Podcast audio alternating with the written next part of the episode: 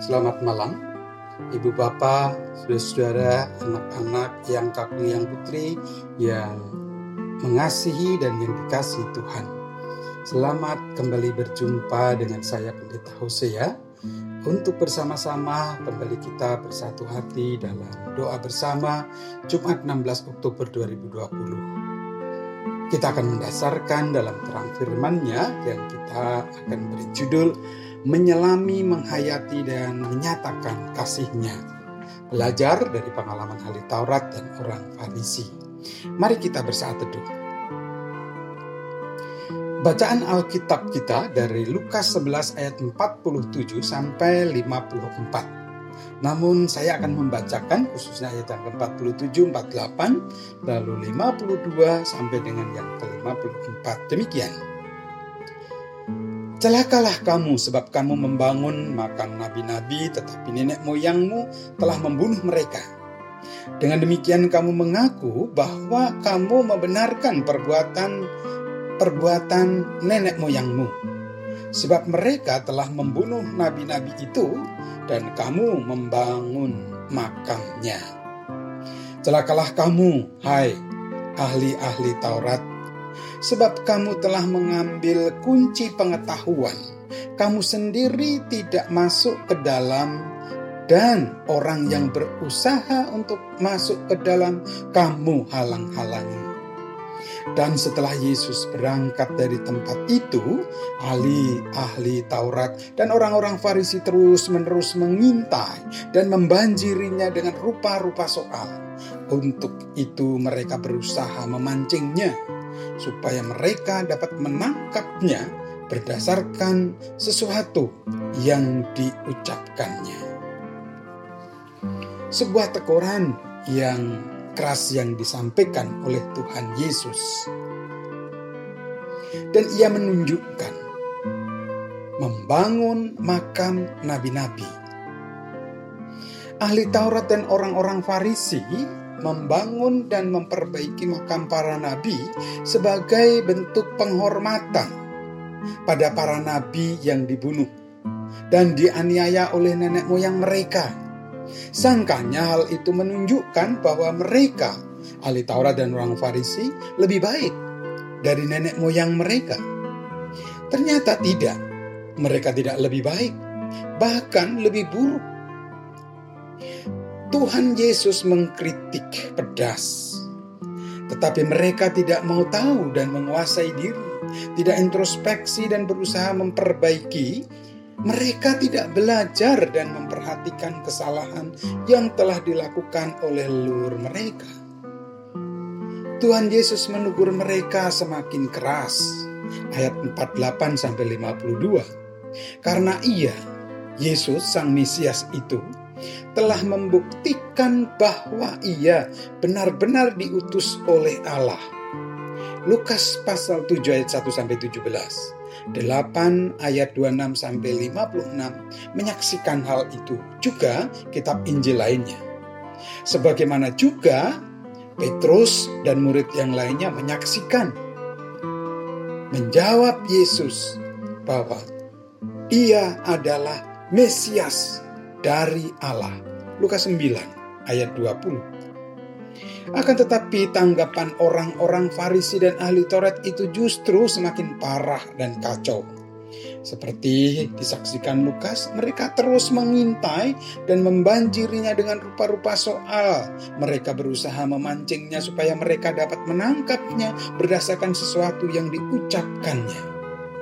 Lukas 11 ayat 53 sampai 54. Niat mereka semakin jahat. Mereka memiliki pengetahuan sebagai ahli Taurat. Kunci untuk masuk mendapatkan wahyu atau karunia Allah. Tetapi sikap dan perilaku mereka tidak masuk menyelami sabda Allah. Mereka tinggal di luar kasih karunia Allah dengan pemikirannya yang dangkal, egois, dan arogan. Mereka seperti kubur yang tidak ada tandanya, tidak memperlihatkan kebaikan yang menjadi teladan, dan itu tidak menolong pula orang lain untuk mendapat pengertian yang benar. Mereka menjadi penghalang bagi orang lain yang mau datang pada kebenaran. Mereka sama sekali berlawanan dengan penghayatan dan kerinduan pemazmur yang menyelami perbuatan-perbuatan Allah serta rindu memberitakan kemuliaannya di antara bangsa-bangsa. Mazmur 96 ayat 1 sampai 9. Ibu bapak dan saudara, di tengah pandemi seperti saat ini, kadang kita mungkin juga terpancing berlaku seperti ahli Taurat. Namun, marilah kita sebaliknya, justru terus menyelami seperti pada saat ini, melalui terang firman-Nya, campur tangan serta kekuatan Tuhan dalam pandemi ini. Biarlah kita tetap berada dalam penghayatan akan firman-Nya dan kasih karunia-Nya. Kita terus menjadi saluran berkat-Nya dan jalan bagi orang lain untuk memuliakannya dalam kebenaran. Tuhan memberkati. Amin. Marilah kita bersatu di dalam doa. Kita nyatakan sahabat kita dan mengawali dengan doa Bapa kami. Bapa kami yang ada di surga, dikuduskanlah namamu. Datanglah kerajaanmu. Jadilah kehendakmu di bumi seperti di surga. Berikanlah kami pada hari ini makan kami yang secukupnya dan ampunilah kami akan kesalahan kami. Seperti kami juga mengampuni orang yang bersalah pada kami Janganlah membawa kami dalam pencobaan, tapi lepaskanlah kami daripada yang jahat. Karena engkaulah yang punya kerajaan, kuasa, dan kemuliaan sampai selama-lamanya. Amin. Ya Allah, puji dan syukur kami panjatkan kehadiratmu. Engkau senantiasa membimbing kami. Engkau tidak membiarkan kami dalam kesesatan. Sabdamu penuh keperkasaan menjadi tangan Tuhan yang memegang dan memeluk erat kami memberi kekuatan. Terlebih dalam kami menghadapi pandemi ini, Engkau tidak membiarkan kami kehilangan pengharapan. Bahkan Tuhan senantiasa menopang dalam mengelola masalah dan pergumulan dalam terang kasih dan firman Tuhan. Topanglah kami dalam menyambut dan menanggapi semua itu dengan makin setia dan rendah hati di dalam pimpinan dan kuat kuasa Roh Kudus, mampukan kami juga senantiasa menguasai diri dan mengelola emosi serta melawan arogansi. Apalagi merasa diri lebih suci dan paling mengerti. Dalam pengasihanmu kami mohon. Tuhan, dengar dan kabulkanlah doa kami. Ya Tuhan, mampukanlah kami menjadi pelaku firman-Mu dalam pelayanan berlaku adil menyatakan kasih Tuhan. Biarlah dengan begitu kami selaku gerejamu boleh menjadi saluran berkat Tuhan menyaksikan kebenaran bagi banyak orang serta menolong mereka masuk serta menyelami kuasa kasih dan keagungan Tuhan. Biarlah hal itu juga mendasari kehidupan kami bersama dalam perbedaan dalam persekutuan di tengah-tengah keluarga dan orang-orang percaya serta dalam kebersamaan umatmu masyarakat di negeri ini. Kebersamaan yang syarat dengan ber, berbagai perbedaan, permasalahan serta kepentingan. Terlebih dalam situasi pandemi sekarang ini sering kurang kami sadari, memancing kami dalam konflik, berbuat secara emosional dan egois Pahamkan kami ya Allah menyadari kenyataan yang beragam tersebut sebagai berkat karuniamu, tanda cinta kasih Tuhan. Biarlah kami terus bertumbuh dalam menyatakan cinta kasih-Mu dengan terus belajar di tengah keberagaman dan pergumulan ini menjadi pelaku firman Tuhan, membangun kebersamaan, menghadirkan damai sejahtera. Dalam pengasihanmu kami mohon. Tuhan, dengarkan dan kabulkanlah doa kami. Kepadamu ya Allah kami berdoa dan mohon berkat Tuhan untuk saudara-saudara kami yang kecewa karena situasi politik dan berlaku semaunya sendiri. Upaya pemerintah membuat kebijakan dalam rangka menghadirkan keadilan dan kesejahteraan rakyat Indonesia.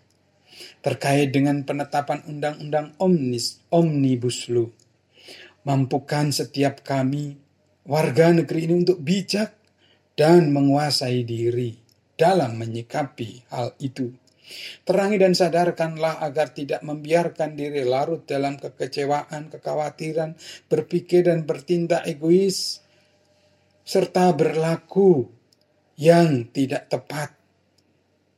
Memikirkan dan berbuat untuk kepentingan atau kelompok sendiri.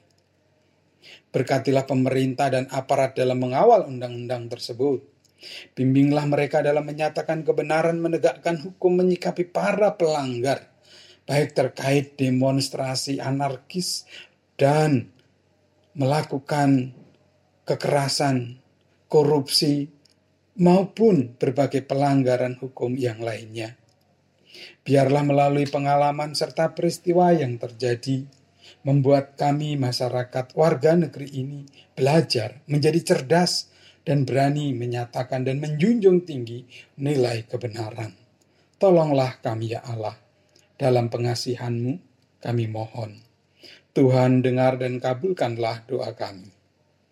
Kami juga mohon berkat Tuhan bagi para pemimpin negeri ini dalam mengemban tugas dan tanggung jawab sesuai bidang mereka untuk menghadirkan keadilan dan kebenaran.